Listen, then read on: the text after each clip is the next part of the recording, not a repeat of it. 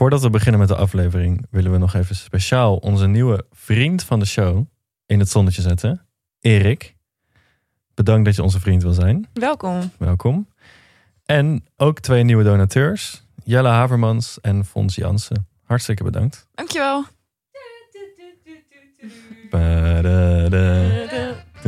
Heel grappig om een keer de intro gewoon zelf op te nemen. Ja. Zeg maar het muziekje. Hoe leuk is dat als we met z'n drieën zeg maar a cappella doen?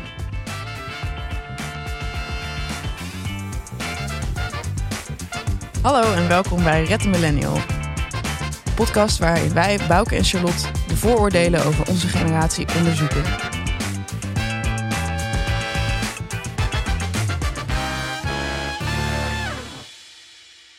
Dag Bouke. Hoi. We zijn vandaag weer eens met z'n tweetjes. Yes. Ik heb me hier ontzettend op verheugd. Niets ten nadele van de gasten. Eh, over gasten gesproken. Oh. De aflevering van vandaag gaat over mannelijkheid. Eh, eh, en wat het nog betekent in deze tijd en voor onze generatie.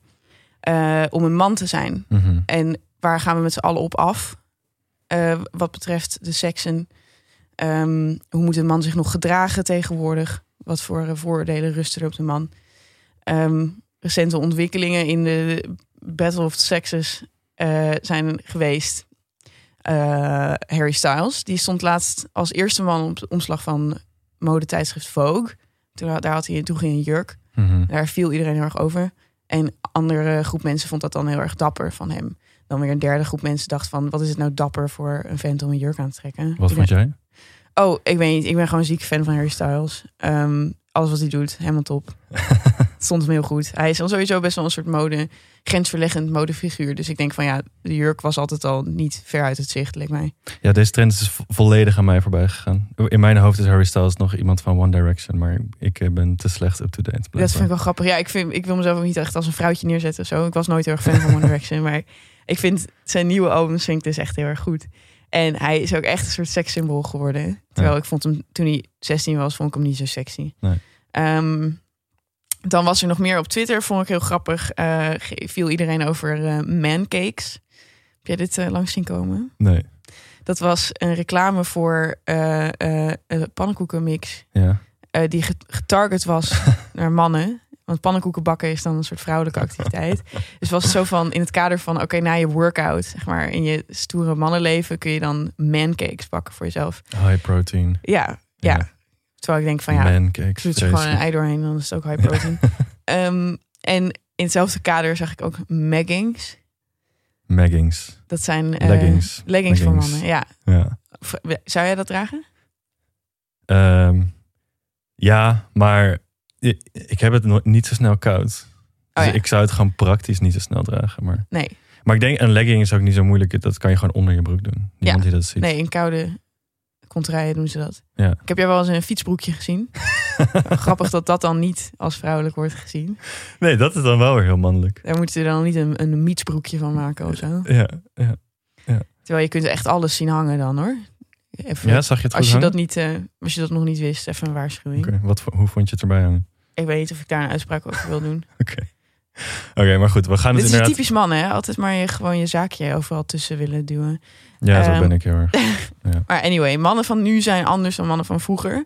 Eh, het vooroordeel dat we vandaag gaan bespreken is dat de millennial man zijn mannelijkheid zou zijn verloren. Ja, en als je daarover hebt, dan moeten we het denk ik eerst even hebben over... wat, wat is mannelijkheid dan überhaupt in de traditionele zin? Ehm, waarbij ik vooral meteen denk aan... mannen moeten sterk zijn. Ze mogen geen emoties hebben. Ze mogen niet kwetsbaar zijn. Mannen moeten providen. Oh ja, dus die moeten financieel eh, goed, eh, die moeten een goede baan hebben. Ja. Eh, mannen die zijn agressief Agressief, ja. tegen andere mannen. Ja, heel erg alfa, alfa gedrag. Wie, wie komt er boven op de apenrots? Mannen hebben veel seks. En Veel ze- seks. Ze, dat met zoveel mogelijk verschillende ja, precies, vrouwen. inderdaad. En daar vervolgens heel stoer over doen.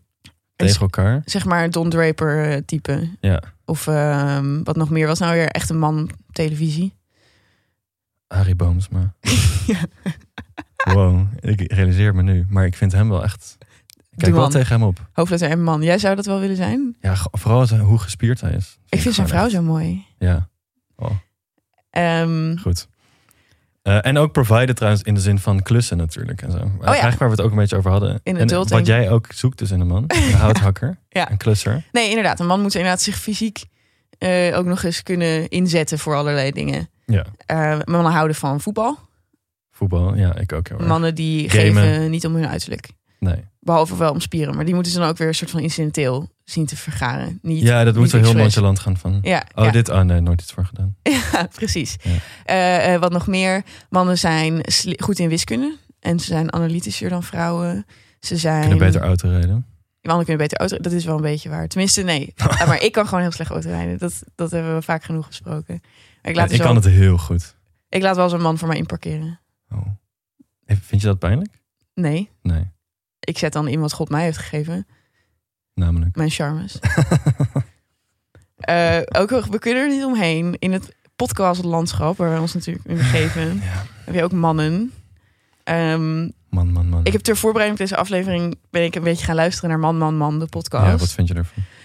Ik moet zeggen, ik was wel teleurgesteld, man. Ja. Man, Ik vind het echt... man. eh, ik, ik vind het echt een vreselijke podcast. Man, man, man. En ik weet dat ik nu heel veel mensen tegen de schenen trap. Maar Man, man, de podcast is een podcast die pretendeert van... Wij zijn heel progressief. We gaan het hebben over mannelijkheid. En wat is dat nog? Dan hebben ze het over geld. Klussen, Wijven. Wijven, auto's, sporten. Ja, come on. Dat is dus precies niet meer wat mannelijkheid is. Nou, het is zo grappig. Dit zou dus precies tegen ons vooroordeel ingaan. Dat de mannen van nu geen traditionele mannen meer zijn. ja, En dan neem je drie millennials en je zet ze in een podcaststudio. En dan zijn ze een soort dwarsdoorsneden van alles dat Ja. ik denk dat ik dacht dat een man zou zijn. ja. En eh, eh, het is eigenlijk bijna een soort van de man op een petrischaal is man, man, man. Dus ze hebben, zijn een beetje voorbij gegaan aan hun eigen project. En hebben een soort ander project neergezet. Ja. Namelijk, zie hier, de man. ja, en ze voelen zich zo super entitled. Eh, ze vinden zichzelf hilarisch. Ja. Eh, met goed, dat hebben wij 538 humor.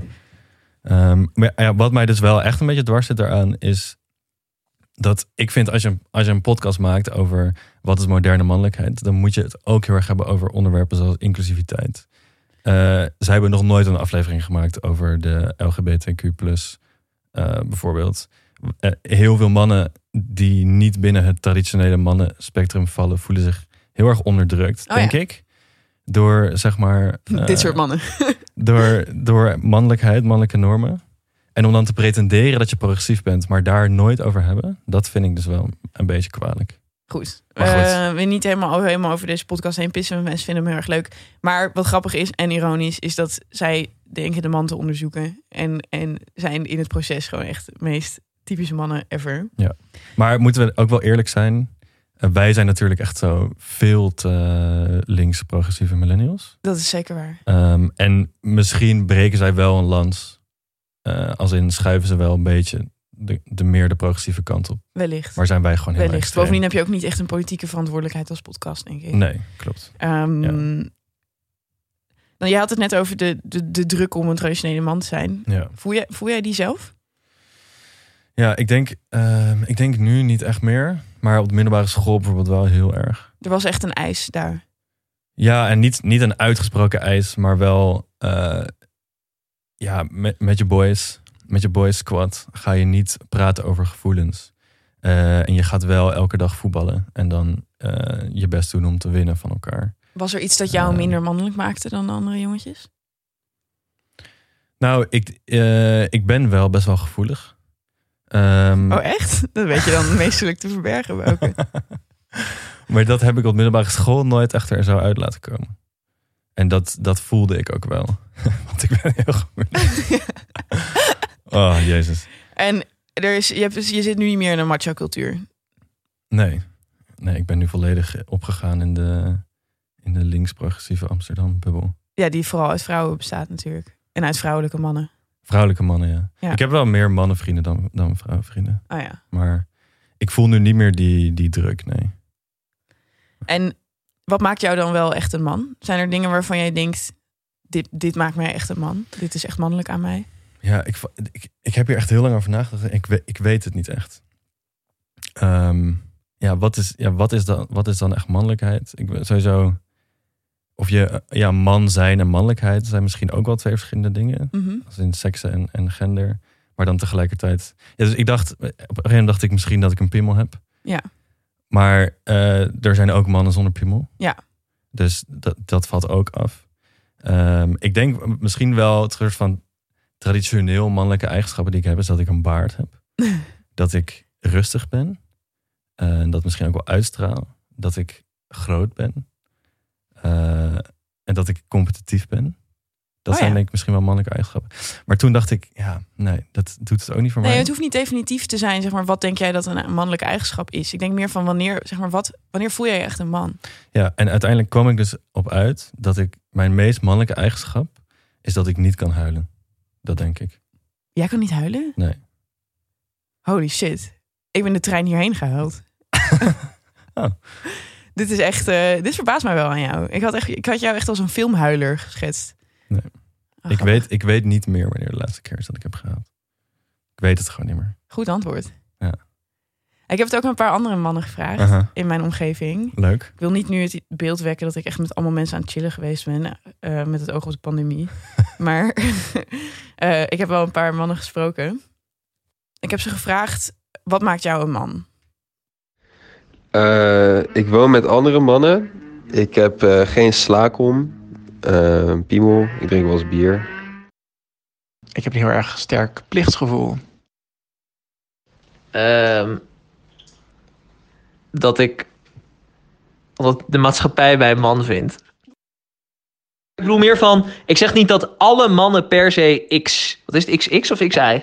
XI. XI hebben, maar waardoor ik een man ben is denk ik omdat ik XI heb. Maar dat betekent niet dat, dat je niet een man kan zijn als je geen XI hebt. Misschien heb je helemaal geen XI. Het mannenklassement. Wat is het mannenklas? Het mannenklassement is waarbij je punten krijgt voor mannelijke dingen en minpunten voor minmannelijke dingen. beginnen over het mannenklassement is min. Het is automatisch minpunten, want je begint niet over je mannelijkheid. Oké, maar wat is het mannelijkste dat jij hebt gedaan? Zo. We, we hebben dit bijgehouden toen we de Olympisch hebben beklommen. Noem iets mannelijks dat jij hebt We gedaan. hebben dit bijgehouden toen we de Olympisch hebben beklommen. Oké, Olympisch. Het is een beetje een verouderd principe, denk ik. Dat ik eh, onbezonnen najaag eh, waar ik belangstelling voor heb. Oh jeetje, sorry, dat kan ik nu niet beantwoorden. Dat vind ik echt een hele lastige. Je mag ook zeggen dat je McDonald's hebt besteld zodra je wakker was. Wat maakt mij een man? Opstaan. ja, Nou, wat, wat vond je overkoepelend thema? Nou, eigenlijk dat ze het allemaal niet zo goed wisten. Nee, hè? Ja. Ik had dus gedacht, ik, toen, als ik, toen ik deze jongen sprak, van ze- mensen hebben echt een antwoord klaar liggen. Maar wat ik dus zo grappig vind, ik denk dat dit een groot verschil is tussen mannen en vrouwen. Mannen hoeven zich niet te verhouden tot hun mannelijkheid. Kijk, daar, ga- daar gaat deze hele aflevering wel over. Maar Mhm. ik heb het idee dat de meeste jongens in mijn omgeving, die denken er nooit zo over na. Man zijn is default. Het, ze worden niet oog in oog gebracht met hun eigen mannelijkheid. Terwijl ik heb het idee dat ik niet de straat op kan zonder geconfronteerd te worden met het feit dat ik een vrouw ben. Ik, ik denk wel dat je dat ook op een andere manier kan bekijken. Namelijk dat ze misschien allemaal niet meer weten wat nou mannelijk mag zijn. Oh ja. Eh, dat ze, ik, ik hoorde ook soms een beetje van, oh ja, bier. Een beetje onzeker van, mag ik, mag ik dat wel Mag ik zeggen? dat nog wel zeggen? Bier? oh ja, is bier nog van ons? Ja, ik denk dat, dat mannen ook wel tegenwoordig in, in een bepaald soort identiteitscrisis zitten. Nou ja, jij zegt het net zelf. Zelfs je lul maakt je geen man meer. Kijk, dat is, dat, is, dat is niet kwalijk, maar het, is, het laat natuurlijk wel een gat achter. Ja. Had, had, had jij een man willen zijn? Ehm, ja. Ik weet, er zijn een heleboel dingen die ik echt heel erg leuk vind aan vrouw zijn. En die ik echt omarm. Ehm, maar ik heb toch wel... eh, in een van die fragmentjes hoor je mijn vader zeggen... eh, dat wat hem een man maakt is onbezonnen. dat was je vader. zijn, zijn dingen najagen. Ehm, en dat zei hij echt, daar hoefde hij nul seconden over na te denken. En ik dacht van, dat is inderdaad wat ik altijd zie als ik zo'n jongen zie. Dat is de drive die zij hebben, is niet anders dan die van vrouwen. Mannen, vrouwen zijn ook heel competitief. Mhm. Maar mannen zijn wat je dan met een Engels woord unapologetic noemt. Ze Eh, voelen zich entitled. Nou ja, nou ja, ik weet niet of dat het zo is. Het is eerder gewoon van, het komt niet in ze op om altijd maar te, na te denken over wat ze doen in de zin van, eh, eh, doe ik het wel goed of zo. Mm. Dit is natuurlijk geldt absoluut niet voor alle mannen. Nee, maar als nee. ik denk dat er een groot verschil is tussen mannen en vrouwen, dan is het op het gebied van onzekerheid. Mm. En Eh, ik ben super onzeker altijd over of ik het wel goed aan het doen ben. En ik vind dat echt pussy van mezelf. En ik denk van, als Hm. ik een jongen was geweest, had ik zo anders in het leven gestaan. Hm. Tenminste, dat maak ik mezelf dan wijs. Ehm, verder, ja. De, ik denk dat het allerbelangrijkste is. Ja. En de opsmuk maakt me niet zoveel uit. Ja. Kijk, ik kreeg wel eens de vraag of ik, of ik het leuk zou vinden om een lul te hebben. En daarvan dacht ik echt, nou ja, dat hoeft voor mij totaal niet. Ik vind wat ik heb een stuk compacter. Ja, ik, ik zou wel echt een lul verkiezen boven een kut. Ja, maar jij, dat is, nu ga je het weer over staand plassen hebben. Ja, Heb je wel eens hurkend geplast? Valt echt mee. ja ik, ik plas heel vaak hurkend. Wat? Ik ga thuis gewoon altijd zitten. Ja, maar dat is niet hurkend. geen tering zou je maken. Oh, echt hurken, hurken. Ja, hurken, Oh, zoals in een bos. Nee, dat doe ik niet. Het zou een beetje raar zijn natuurlijk. Ja, nou precies. Goed. Maar ehm, ik, ik moet zeggen dat eh, het, het, het onop, unapologetically baby, Ja, het, zonder je te verontschuldigen. ergens voor gaan. eh, ik denk dat er heel veel mannen dat ook niet echt hebben. Ik denk dat heel veel mannen dat ook faken. En dat Oh ze ja. het gevoel hebben dat dat moet. Dus dat ook een zelfovertuiging en zekere verplichting is van man zijn. Ja, zo van je mag ook niet laten zien dat je ergens onzeker over bent. Dat is zeker waar. En wat ik ook, waar ik ook de vruchten van pluk als vrouw, denk ik, is dat de verwachting nog steeds best laag ligt. Hmm. Ehm, stel dat ik toch voor zou willen kiezen om in deeltijd te werken, weet ik veel wat. Mhm. Of eh, me op het gezin te storten en gewoon lekker te gaan koken en weet ik veel wat. Dan zou eh, ik er zelf erg teleurgesteld over zijn in mezelf. Maar Ja. de samenleving zou me dat deels wel vergeven, denk ik. Ja. En ik denk, als jij die beslissing zou nemen, zou dat toch controversiëler zijn. Ja, denk ik ook. Dus dat is, ik heb in die zin meer keuzevrijheid, denk ik. Ehm Ja. Althans, zo voel ik het wel. wel. Ik denk altijd van, ik kan nu mijn best doen, maar ik kan altijd het uit handen laten vallen. En dan heb ik papi en dan heb ik een vent en dan komt het wel goed. Maar voel je niet ook juist nu heel veel druk als vrouw om, omdat Uiteraard. het nu wel kan of zo, dat je nu ook heel erg moet presteren? Ja, maar dat is de druk. eh, die, die leg ik ook deels mezelf op. Ik heb ook Mm. inderdaad het idee dat nu alles kan, dan moet ook alles. En dat Ja. is de druk waar we het ook vaker over Ja, hebben. precies. Die millennials eh, eh, sowieso Ja. teistert. Ja. Maar ja, goed. Dat gezegd hebbende, eh, niet iedereen is zeg maar progressieve millennial, weet ik veel wat. Ja. Er, is, er is gewoon nog steeds heel veel ruimte voor een vrouw om een ouderwetse vrouw te zijn. Ja. En ik vraag me af of er nog heel veel ruimte is voor een man om een ouderwetse man te zijn. Ja. Ehm, Ja, dus, en dat is inderdaad om dan even terug te halen naar waar we het uiteindelijk over hebben. Over mannelijkheid. En wat is dat dan nog? Eh, dan hebben we het nu gehad over wat is dan traditionele mannelijkheid. mhm.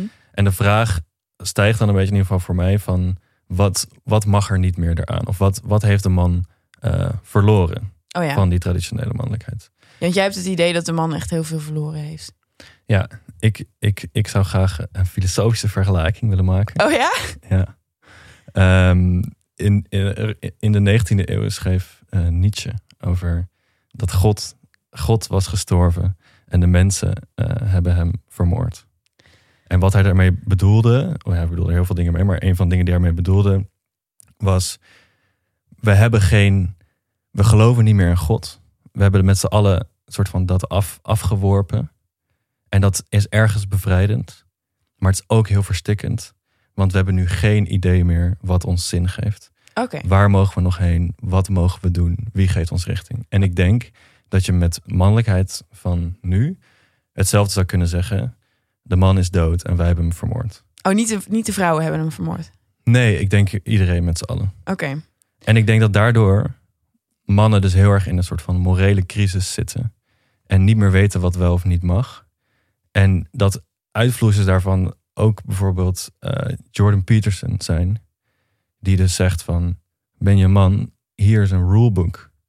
Maak elke ochtend je, je bed op. Dat is, en neem je verantwoordelijkheid. Dat wat is een man zijn. En dan zie je dus heel veel van die, ja, ik denk hele onzekere, bange mannen. Die dat aangrijpen als een soort van bijbel.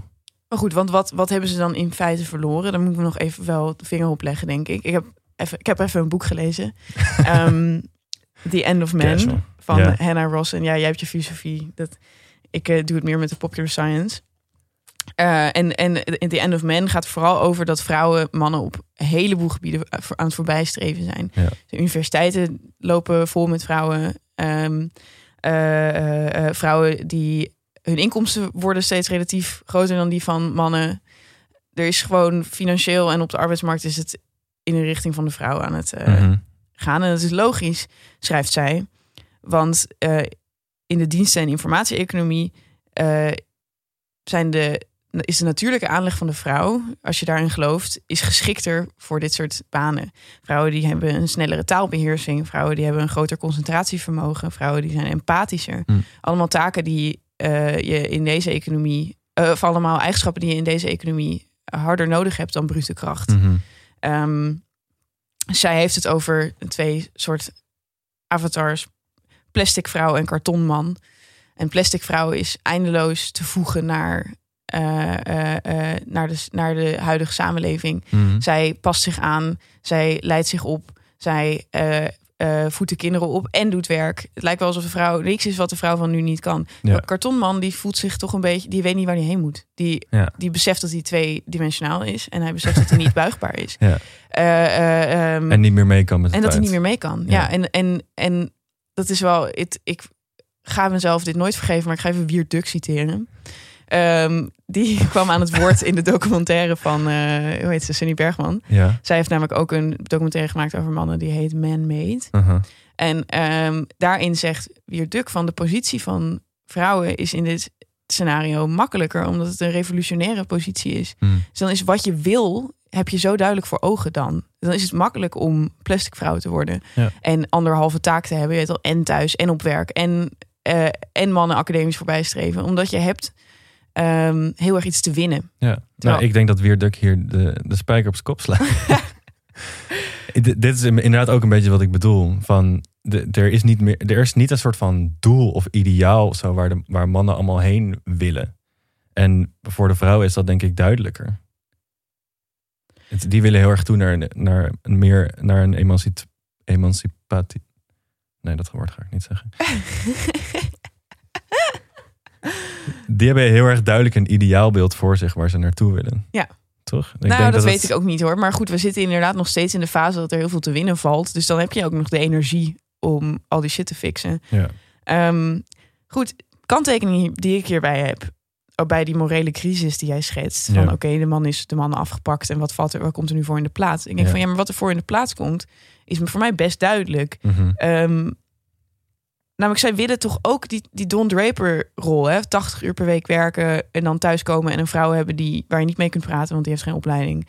En eh, je bent als enige verantwoordelijk voor je, voor, voor je gezin. Ik denk van ja, dat willen jullie toch ook niet meer. Ehm, jullie willen toch, het is toch ook gewoon chill voor mannen om een paar van die vrouwelijke eh, eh, eh, dingen op zich te nemen. Wat de keuzevrijheid die ik net schetste Mhm. in mijn eigen leven. Ja. Ik zou dat alle mannen ook gunnen. Ja, dus van ga gewoon, neem de kans, ga lekker meer met je kinderen chillen, Ja. minder werken. Ja, neem een, ga knutselen, weet ik veel. Ja. Wat zijn nou die dingen waarvan jullie altijd denken... oh, vrouwen hebben het zo fijn, wij moeten de loopgraven in... en het kantoor in, terwijl vrouwen kunnen lekker dit en dat doen. Ik denk van, ja, neem die kans dan. Ja, ik, ik snap wat je bedoelt, maar ik denk dat het niet zo makkelijk is. Ik denk dat mannen echt geen idee hebben hoe dat moet. ik denk dat mannen geen idee hebben wat ze moeten doen als ze thuis met de kinderen zitten. En als ze minder moeten werken. Ja, dat, dat, zeg maar, ze zijn dat niet gewend. Nee, en het- oké, want ze putten dus ook heel veel voldoening... en zelfdefiniëring uit het Ja. feit dat zij werken. Dat is wie zij zijn. En Zo ook uit, van, ik ben de provider, dus ik werk 80 uur in de week. En daar komt nog bij, dat los van dat ze denk ik niet zo goed weten wat ze ermee aan moeten, met al, al die meer vrijheden dan, zoals jij het noemt, is er denk ik ook gewoon een hele masculine cultuur, waarin het gewoon totaal niet cool is om minder te gaan werken. Ja. Totaal, zeg maar, het is echt niet zo dat je bij de boys komt in de kroeg en dan zegt van, yo, ik heb echt ziek lekker geknutseld vandaag. Maar goed, is dit niet een utopisch beeld? Ik, eh, ik, ik wens jullie dit allemaal toe, toch? Nou ja, ik, ja, ik- als je het aan mij vraagt, zeg, zou ik zeggen ja. Het lijkt me heerlijk. Het Ik zie me dat je nagellak op hebt trouwens. Ja, vind je mooi? Wat, is- waarom? Leg het even uit. Dat vind ik mooi. Ja, het staat je vrij natuurlijk. Maar er is geen aanleiding. Nou, we hebben het natuurlijk over mannelijkheid deze week. Oh ja, jij dacht ik ga, kom even... Ik dacht, ik ga mijn, ik ga mijn nagels eens lakken. Ja, Ik vind dat je het nog best netjes hebt gedaan. ik heb er niets over gedaan. Oh, oké. Mijn zusje heeft het gedaan. Oh, dat vind ik heel lief. Ja. Maar het, hij staat ook goed bij mijn trui. Je hebt wel meteen echt een mannelijkste soort legergroen Ja, uitgekozen. nee, je moet wel rustig gaan. Ja, je moet wel echt grenzen stellen Ja, aan... ze, ze wilde ook eigenlijk al mijn nagels meteen lakken. Maar dat, dat vond ik dan weer iets te veel van het goede. Ik dacht dat het een soort statement was voor kankeronderzoek of zo. Oh nee. Wat Misschien was is het? het, het is meer een soort mannelijkheidsstatement. Ja, Maar ik, ik vond het dus wel, want ik woon nu dus in Enschede. En daar zijn er echt wel minder eh, moderne mannen. Enschede echt een mannenstad. Het is een technische universiteit en eh, niet Randstad. Dus, eh, nee, kan ik dat zeggen? Ja, dat mag. Dus iedereen is daar nog wel iets minder progressief, denk ik. En eh, ik, heb, ik heb ook een oorbel. Die draag ik echt minder in Enschede. Dan voel ik me ve- veel minder chill. Ja, ik heb nog geen één andere man gezien met een oorbel. Oh, wat bizar. Ja, ik woon in Utrecht, waar volgens mij je kunt niet op straat zien wie er man is en wie vrouw. En het zijn Ja. overwegend vrouwen. Dus Ja. ehm, hele andere vibe. Ja. Maar goed, eh, je hebt het over dat het is moeilijk om voor mannen om eh, die nieuwe rol te vinden. En dat stuit ze tegen de borst. Maar ik denk wat ze nog meer tegen de borst stuit, is dat er een relatief agressieve toon is geweest ten opzichte van de man. Ja. Als in er is mannen wel veel kwalijk genomen. Niet geheel ten onrechte. Eigenlijk geheel niet ten onrechte. Nee, Ehm, geheel ten rechte. geheel- ja, precies. Ehm, er is heel veel wat mannen niet meer mogen. Mhm. Ehm, en dan, dan worden het grapjes gemaakt over je mag niet eens meer knuffelen. eh, Omstreeks me too. Ja. Terwijl, kijk, dat voelt als een. Het is enorm gerechtig wat daar is gebeurd. Ja. Maar ik kan me voorstellen dat je dan denkt van wat mag ik nog? Wat, ik moet dus nu heel erg op mijn tellen passen. Ja, en dan heb je ook zeg maar concepten zoals mansplaining, manspreading. Eh, mag je nog de deur open houden voor een vrouw? Mag je betalen bij een eerste date? Mansplaining vind ik wel interessant. Ik kan me voorstellen dat jij daar een handje van hebt. Gewoon je houdt van dingen uitleggen. Ik hou van dingen uitleggen, maar ik ben, ik, ik ben me heel bewust dat ik niet mansplain. Oh, is goed. Ik vind het wel grappig. Hoe doe jij dat dan? Als je, stel je voor, de vrouw zegt iets onnozels en je hebt het idee van ik ga haar nu uitleggen wat. Trap je dan op de rem omdat je bang bent dat het mensplenen is? Ja. Oh, dat vind ik wel echt. Jij bent echt modern man. Eh, Dat risico loop ik dus nooit. nee. Ik kan echt oreren wat ik wil. Mensen kunnen zich er wel aan ergeren dan, maar het is in ieder geval nooit een, een, een eh, soort aanslag op, op iemand zijn eh, geslacht, zeg maar. Ja, nee, ik heb juist, juist inderdaad, als ik met, met vrouwen in een discussie ben of zo, ben ik veel voorzichtiger om dingen zo uit te gaan leggen. Zelfs als, want wat echt mensplenen is, is, is als je iemand iets gaat uitleggen wat die ander veel beter weet. Ja. Toch? Eh, dus als iemand echt iets onnozels zegt, dan is het niet eens mensplaining om het dan, als jij het wel beter weet, om het te gaan uitleggen. Nee, goed, maar, als jij het feminisme aan wel- mij zou gaan uitleggen, dat zou dan mensplaining Ja, zijn. weet je wat dat is? nee, maar dat zou dus nooit in mijn hoofd opkomen om dat te gaan doen. Oh ja, nou dat vind ik heel erg netjes voor je. Maar goed, jij weet dus hoe je moet omgaan met deze nieuwe eis. Terwijl ik kan me inderdaad voorstellen dat als je het woord mensplaining voor het eerst hoort, dat je denkt van, wat de fuck, ik mag niet eens meer Ja, nou, dit, gesprek voeren. Ja, dit, dit proef ik ook heel erg in mijn omgeving. Eh, dat eh, mannen zijn een beetje bang voor feminisme. En dat komt omdat, denk ik, omdat ze het gevoel hebben dat ze hun een bepaalde schuld wordt aangepraat. Oh ja. Eh, dus jullie hebben het fout gedaan. Jullie hebben dit veroorzaakt of zo. Terwijl elke man bij zichzelf denkt, maar ik heb toch niks. Ik heb toch zelf niks gedaan. Ik had nooit een slechte intentie. Nee. En van daaruit een beetje heel erg zo'n een schrikreactie hebben van nee, dit, dit, dit wil ik dus niet. Mannen zijn ook heel bang om zichzelf feminist te noemen. Ja, dat, ja, zelfs terwijl Obama het ook heeft gedaan in 2016. Ja. Dat vond ik wel een mooi moment. Ja. Hij zei, this is what a feminist looks like. Ja, prachtig. Ehm, ja, maar ik denk dus dat dat inderdaad wel, dat dat een belangrijk punt is. Dat mannen zich af niet die schuld willen. Maar ik denk dat het wel belangrijk is om ook bij stil te staan dat dat ook helemaal niet het idee is. Nee, nee, precies. Kijk, ik spreek niet namens alle vrouwen, maar ik heb niet het idee dat, dat ik automatisch eh, iemand een, een erfzonde vind hebben omdat diegene een man is. Nee. Ik, eh, eh, kijk, je hebt wel om te gaan met je rol als man. Ja. In die zin dat je ook altijd op moet letten dat je ruimte houdt voor vrouwen. Ja. Want, want dat is gewoon deel van je verantwoordelijkhedenpakket Mhm. geworden. Ja. In de tijd dat vrouwen meer ruimte krijgen. En ik, als je bijvoorbeeld een werkgever bent, dan hoor je daar wel netjes aan te denken. Oh ja. Ehm, maar ik denk niet dat je je ooit echt schuldig hoeft te voelen. Nee, ik, ik denk dat er heel veel gedrag. Ik denk dat elke man er goed aan doet om zichzelf een keer aan te kijken in de spiegel. En, en na te denken over wat, wat zijn dingen die misschien seksistisch zouden kunnen zijn. Maar daar, dat hoeft niet te impliceren dat je een seksist bent. Of dat je een kwade intentie hebt. Nee, maar goed. maar het is wel goed om, om, je, om een keer naar jezelf te kijken. Om te kijken van, oh ja, misschien kan ik dit en dat anders doen. Misschien kan ik hier meer rekening mee houden. Denk ik wel. Nou, dan heb je nog steeds je eigen mannelijkheid een plek te geven in je leven. Want je wil je, je, wil je een man voelen, I guess. Ehm, en en de, alle traditionele dingen die jou vroeger in de schoot geworpen werden, die heb, je- heb je nu niet meer. Ja. En dan denk ik dat er zijn, we zien twee kampen ontstaan, toch? Mhm. Ehm, een beetje de stereotype millennial, eigenlijk die jij belichaamt. Ehm, mannen worden softer, ze omarmen hun nieuwe rol. Ja. Ze gaan eh, eh, creatiever om met hun tijd. Ze, ze, eh, ze kleden zich anders. Ze nemen een oorbel, weet ik veel wat. Ja. En, en dan heb je ook nog mannen die die schrikreactie uitvergroten. En die het gevoel krijgen van we, mannelijkheid eh, eh, eh, raakt in verdrukking. En ja, dus meer de conservatieve tak. ja, en we van, moeten oppassen dat we geen poesies worden. En Ja. geen mietjes. En er gaat echt iets verloren. Ja. Die dus heel erg teruggaan naar boys will be boys. Ja, en dus Jordan Peterson type en zo. ja. Ja. Goed, dan hebben we ook nog... Ik vond, wat ik grappig vond, ook in dat boek van Hannah Rossin... was, zij had het over ornamental masculinity. Ja. de, decoratieve mannelijkheid. En dat was ook dan een reactie op deze tijd... waarin je dus niet meer eh, automatisch een man bent... Mhm. eh, is dat je een soort van ehm, uiterlijke kenmerken van mannelijkheid heel erg gaat performen. En dan heeft ze het dus over dingen zoals baardwax, Ja. eh, sigaren roken, whisky drinken in zo'n Ja. Ehm, eh, ik moest ook denken aan van die eh, kappers die zichzelf een barbier noemen. Ja. Eh, en waar je dan met allemaal speciale mannenkappers, hele gro- grote stoere mannen, knippen grote stoere mannen. ja, ik ben daar een keer geweest. Ja? Ja, Oh, grappig. echt een hele pijnlijke ervaring. Oh ja? Ja. Ik ging naar een barbier. ehm, omdat ik dan... Ik dacht, ik wil, een keer uit, ik wil een keer weten hoe dat is, zeg maar. En dan kom je dus in zo'n shop, super harde muziek. En ik werd geknipt door zo'n hele grote, kale dude. Hm. Die echt niks zei. Gewoon zo. Ja, mannen. Echt man, inderdaad. En toen vroeg ze mij van... eh, ja, wat, wat wil je dan met je haar? En ik zo... Oh ja, ik wil gewoon een beetje. Aan de zijkant mag er wat af. En aan de bovenkant wil ik het iets langer houden. Toen zei zo, daar heb ik niks aan. Wat? Wat zo- had je moeten doen? Zeggen zo, dan? oh, en zei hij, wat wil je? En ik zei, ja, ik weet niet. Echt gewoon... Ik werd heel onzeker. En toen, hij wilde dus echt gewoon op de centimeter nauwkeurig van mij horen wat ik met mijn haar wilde doen.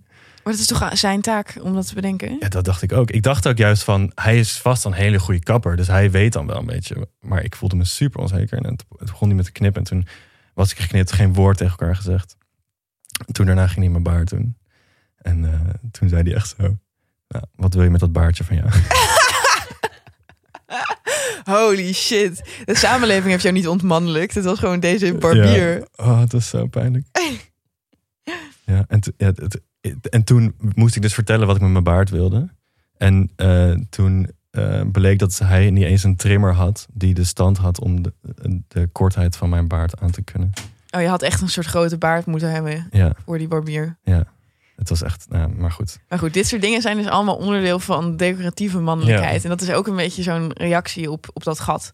En ehm, de vraag is, hoe ziet Future Man eruit? weet wel? Wie, wat, is, wie- wat komt er naar ka- kartonman? Wat is, wat, eh, wat is nou het prototype voor de nieuwe man? Ja, Tim Hofman, denk ik. Het is toch, weer, het is toch altijd weer Tim Hofman? Ik Oké, denk het wel. maar ja. dit moet je even toelichten, want ik volg die jongen niet. Ik denk Tim Hofman, misschien wel wat ik het vetste aan hem vind eh, in, zijn, in zijn moderne mannelijkheid, is hoe open, eerlijk en kwetsbaar hij durft te zijn. Oh ja, En ik denk dat dat echt een cruciaal punt is in wat moderne mannen echt kunnen leren of kunnen winnen, is om te leren om zich meer open te stellen. is dat nou echt zo moeilijk? Ja. Nou ja, ik, bedoel, wat ik aan het begin vertelde, ik, ik weet niet meer eens meer wat de laatste keer is dat ik heb gehuild. Maar, Oké, maar kun jij het met je vrienden hebben over gevoelens? Ja, nu wel. Ehm, ja, nu wel. Maar, Maar, moet je dan echt elkaar allemaal zo aankijken van... nee, maar ik zit natuurlijk in zo'n veel te overdreven vriendengroep, waarbij er alleen maar over gevoelens wordt gepraat. Oh ja, Maar dat is echt, echt niet voor alle mannen zo. Zeg maar, veel vrienden van mij van de middelbare school bijvoorbeeld, die hebben daar nog wel veel meer moeite mee. Eh, en die, die vinden dat niet, niet normaal of zo. Is dit echt iets... eh, Jij hebt het over dat dit echt terrein is dat je kunt winnen. Is het dan ook echt... Denk je dat het prettiger is om zo in touch with your emotions te zijn? Ja, nou ja, ik kan, ik kan alleen voor mezelf spreken natuurlijk. Maar het heeft mij echt heel veel gelukkiger gemaakt. Ik bedoel, ik vind het ook heel logisch. Van, ik denk dat heel veel mannen met emoties, zeg maar, emoties kun je uitschakelen. Ja. Maar ja, dat kan natuurlijk niet. Nee. Je kan ja, ze wegdrukken. Maar, en dat is denk ik heel slecht voor je. dat noemt Sunny Bergman noemt dit dus de emancipatie van de man. Ja. Vrouwen, vrouwen hadden dus een revolutie op, op het oog. Dat is een soort van gelukt. Ehm, en nu hebben mannen moeten dan een eigen revolutie ook echt nastreven. En dat zou dan deze moeten zijn. Ja, ik zou daar, en ik, daar ben ik heel erg voorstander van. En ik denk dat Tim Hofman dat, dat heel erg goed doet. Maar goed, hij is Ehm, natuurlijk ook wel een beetje een showpony met een jurk aan en weet ik veel wat. Ja, nou dat hij een jurk draagt naar televisie, vind, dat vind ik best wel nice. Soort- Waarom?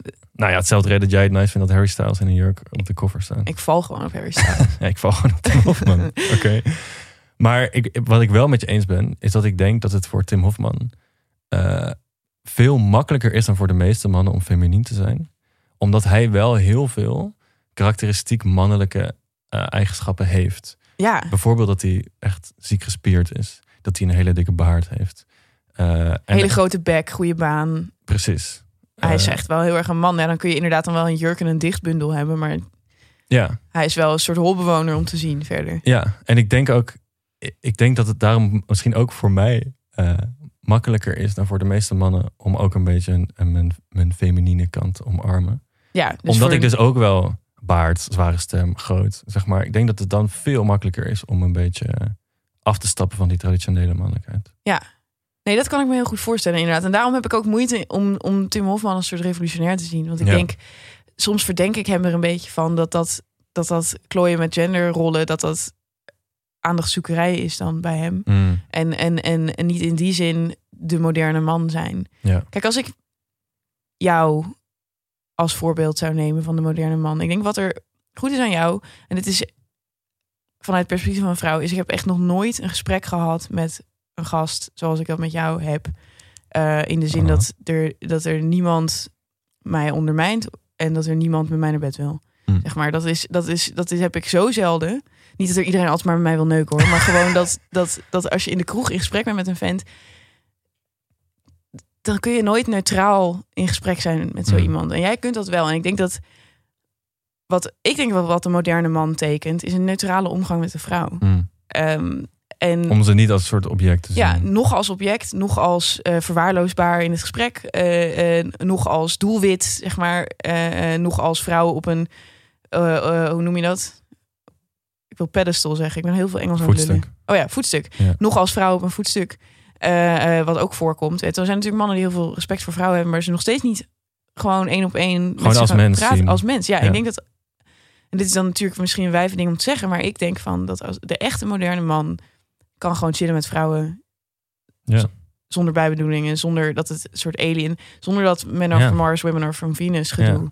En dan kom ik eigenlijk inderdaad bij mijn hoofdvraag deze Mhm. aflevering is: is het nog wel nodig om zo te denken over mannen en vrouwen als een binair iets? Eh, niet om nou veel te woke te doen, maar we bereiken natuurlijk wel een stadium waarbij eh, de twee categorieën man en vrouw niet helemaal meer gelden. Eh, waarbij we zijn aan het beseffen zijn dat het gender een spectrum is en dat je je ook niet, kunt, niet hoeft te identificeren met het lichaam waar je mee geboren bent. Ehm, en daar heb je natuurlijk nog veel subtielere vormen van, namelijk ik ben een beetje jongensachtig, bijvoorbeeld, en dat is oké of zo. Ja. En helpt het dan om nog een categorie jongen te hebben? Weet ik niet. Ik stel me een beetje voor dat dit gewoon de laatste stuiptrekkingen zijn van Ja. dat binaire stelsel. En dat, het, dat we afstevenen op een samenleving die net als bijvoorbeeld de, klasses, de klassenmaatschappij, dat het langzaam gewoon vervaagt. Kijk, klassen bestaan nog steeds, maar sociale mobiliteit is nu alomtegenwoordig de American Dream of zo. Dat geeft alleen maar te maken met, met dat zoiets als klasse niet belangrijk is. Ja. En ik denk dat we ik denk dat dat misschien de toekomst van gender is ook. Ja, ik, ik, ik, eh, ik vind dat een hele scherpe analyse. nee, ik denk ook dat dat is waar, waar we naartoe gaan. En dat de.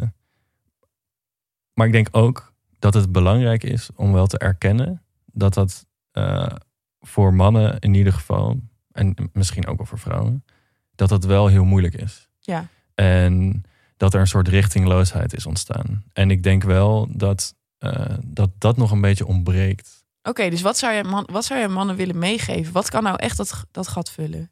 Hoe, vul jij een mannengat, Bouke? Ik denk, ik denk wat, misschien, wat misschien het belangrijkste is, is als je naar een, als je naar een non-binaire samenleving toe zou gaan, dat dat dus niet impliceert dat je niet meer typisch mannelijke eigenschappen mag hebben. Oh ja, dus die bier, vraagteken, die we de hele tijd hoorden. Ja. eh, Dat, Zeg maar, dat gewoon bier uitroepteken. Ja, je mag, natuurlijk mag je nog bier drinken. Maar waar je van af wil, is dat het moet. En dat je niks anders meer mag. Maar waar je naartoe wil, is dat iedereen gewoon doet wat ze, wat ze willen. Oh ja. En dat betekent niet dat we alle traditionele mannelijke eigenschappen in de prullenbak hoeven te gooien. En ik denk dat, dat heel veel mannen daar wel bang voor zijn. Ik denk dat dat. Dat is het dus. Oké, de angst is dat, dat, dat alles in één keer weg moet. En dat iedereen dan zijn nagels moet gaan lak- lakken. En, eh, en dat je dan niet meer met je boys voetbal kunt kijken. Ja, mannen, ja, dat iedereen gewoon hetzelfde moet worden of zo. Terwijl dat slaat natuurlijk nergens op. Dat is, dat is, niet, het, dat is niet het doel of zo. Oké, dus ehm, stel ik ben zo'n Jordan Peterson jongen. Wat zou jouw advies aan mij dan zijn?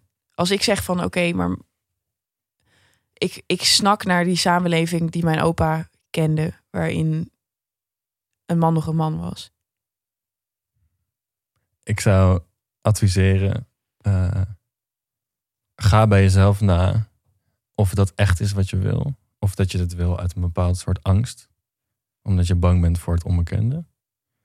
En als je het echt wil, doe het dan lekker. Ja, inderdaad. Het kan Ja. gewoon nog. Ja, tuurlijk, het mag. Kijk, wat een optimistische noot om mee te eindigen. Prachtig. Dankjewel, Bouke. Ja, jij bedankt. Nou, zijn we weer een beetje uitgeluld? Ik denk het. Eh, Uitgelul. Oh ja, kijk, Oh. ik heb die, toch die penisnijd. Nu we het toch over eh, filosofie gaan hebben. Goeie, grote lezer van Freud ben ik. Nee, grapje. Vertel, wat ik lees geen? Freud. Nee, penisnijd. Dat is dat je jaloers bent op, Enlighten me. dat is dat je jaloers bent op de lul van de man. En dus alles wat dat impliceert is ook mannelijk zijn. Ik heb dus totaal geen penisnijd, maar ik ben wel een beetje jaloers op mannen. Gebleken uit deze aflevering. Anyway. Freud zou natuurlijk zeggen dat je dit onbewust overduidelijk wel penis Ja, en ik wil ook met mijn vader naar bed en mijn moeder vermoorden en wat dan ook allemaal. Ehm, Dit ga ik klippen. Heb je nog een beetje gemillenniald deze week? ja, ik heb... Om, vorige aflevering hadden we het over alleen, alleen zijn, alleen wonen. Oh ja. Ik ga alleen wonen. Ja, Punt. het is een fucking millennial move, man. Je gaat vereenzamen. Ja. Ik, eh gecondoleerd. Dank je. Maar goed, ehm, jij bent liever alleen dan met eh, huisgenoten. Ja, ik heb een, ik heb een appartementje gevonden. eh, met best wel veel ruimte en een klein tuintje. Hou op. Ja. En het, is, het is niet super duur. Ja, het is in Enschede, dus het is gewoon helemaal Nee, op ik wou aarde net zeggen, inderdaad. Moet je Ehm, wel in Enschede gaan wonen. Maar ja, ik ga nu dus vanuit een huis met 13 mensen waar ik nu woon, ga ik naar in mijn eentje wonen. En ik heb er echt heel veel zin in. Ik ben super benieuwd wat je ervan gaat vinden. Ik ook. Misschien word je super raar ervan. Ja. Ehm, Ja, voor, natuurlijk, vorig jaar heb ik verteld dat ik ook heel raar kan worden. Van Ja, van precies. Dus, eh, ja, en ik ben heel benieuwd. Nou, maar ik zie nu wel juist wel voor me dat jij zo'n uitgemeten ziel bent dat je echt zo'n Pinterest-inrichting gaat doen en een chille leesstoel en van die, van die foto's aan de Polaroids aan de muur en van die kerstlichtjes en zo. Ik ga een meditatiehoekje maken in de slaapkamer. Is dit echt zo? Ja. Ik weet niet, ik, ik vind dat we nog niet genoeg aandacht hebben besteed aan hoe fucking zweverig jij bent in deze aflevering. Ik heb wel even de In vinger deze gelegd- aflevering? Nou, gewoon. Of in je, de podcast? Je bent gewoon een chick. Je bent gewoon echt super. Je bent super verwijfd, man. Oké. Op dit En nu? gebied. Nou, wacht. Nee, hier gaan we even bij stilstaan. Je bent gewoon Want jij, ga- jij gaat mij nu shamen dat ik een chick ben. dat Nou ja. ik verwijfd ben. Jij wint. Ja, jij bent een mietje, en je bent een poesje en je bent een homo. Nee, grapje. Ik vind jou echt future man. Eh, ik moet soms gewoon heel erg lachen om hoe ehm, makkelijk jij dit allemaal brengt. Gewoon van, oh ja, ik heb nagellakken op en een oorbel en mediteren. En, terwijl ik, zei- er zijn heel veel jongens in mijn omgeving die Dat niet zo Die dat zouden, zij niet zouden zouden durven. casual zouden zeggen. Ja, nee, die zei als ze dit zouden doen, zouden ze heel erg lachig over doen. Van nou, eh, gekkigheid, ik, eh, ik mediteer wel eens, eh, haha, je weet al. Ja. Weet je waar ze bang voor zijn? Eh, weet ik niet. Dat vrouwen ze verwijf noemen. Oké, nou ja, goed. All in good fun natuurlijk. Ja, maar de- ik denk wel dat heel veel mannen daar echt bang voor zijn. Ja. Maar goed, wa- wat is jouw millennial moment? Oh ja, ik ben per ongeluk een alt-right guy gaan volgen op Instagram. Omdat hij was gewoon een soort lifestyle post aan het maken. Hij en zijn vrouw hebben echt super mooi huis en een hele lieve baby. En zij maakt al die kleren zelf en ze maken echt fucking lekker eten en dat Mhm. soort dingen. Dus ik volgde ze gewoon voor de aesthetic. En langzamerhand begon me te dagen dat hij best wel een engert was. Dat hij het gewoon, want ik ging hem ook op Twitter volgen en toen ging hij gewoon shit deed het posten over traditional values. Oh. En over wat ze je allemaal wel niet bijbrengen op de linkse universiteit. en toen dacht ik, hm, wacht eens even. En toen ging ik naar zijn blog en toen bleek hij echt gewoon een full-blown enger te zijn. Een Oh. soort, soort ja, neo-traditionele guy. Grappig. Dus nou ja, ik weet niet hoe Wat- millennial dat is, maar het was gewoon een social media avontuurtje van mij. Ja, wa- wat, wat trok je dan aan in eerste instantie? Ja, gewoon, ik hou van mooie spullen en baby's en dat soort dingen. Ik vond Ja, gewoon het beeld leuk. Ja, dus het was niet het, het masculine. nee, ja, hij is wel inderdaad zo'n baardguy ook. Maar ik had het dus vooral met haar, want zij maakt dan die kleertjes zelf en zo. Ik weet niet, ik, ik, ik ben toch wel altijd een beetje een soort van een tradwife in die. Ik ga gewoon geen tradwife worden natuurlijk hoor, maar die hele community trekt mij wel een beetje aan hoor. Dat ze dan allemaal from scratch altijd dingen aan het maken zijn. Ja, ik weet niet wat het is, maar ik laat me toch op internet altijd aantrekken tot van die super traditionele vrouwenrollen. Ik vind Ja. het, en ik kijk ernaar zoals je kijkt naar eh, het leven van een celebrity. Zeg maar, ik ga nooit zo leven, Nee, precies. maar Ja. ik ga nooit zo'n vrouw zijn. Ja, Maar toch vind ik het dan leuk om naar te kijken. ja, gewoon een stukje entertainment. Stukje entertainment. Leuk. Dat was hem weer, jongens. Hartstikke bedankt voor het luisteren.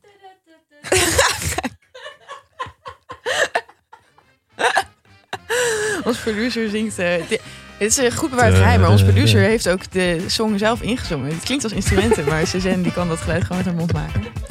Eh, we willen jullie graag bedanken voor het luisteren. Bedankt. Dag en Nacht. Media. Soundscapes ehm, bij Dag en Nacht Media. Mm. Bedankt voor het luisteren. Bedankt Dag en Nacht Media en onze producer Suzanne Moeilijker. Bedankt redpers.nl, het journalistieke platform waar wij voor schrijven. En bedankt aan Roos Vervelde voor het maken van het logo. Eh, jullie kunnen ons ook steunen door vriend van de show te worden, zoals je hoorde aan het begin van de aflevering. Doe dat door naar de website te gaan, vriendvandeshow.nl, schuine streep, Red een Millennial. Da- da-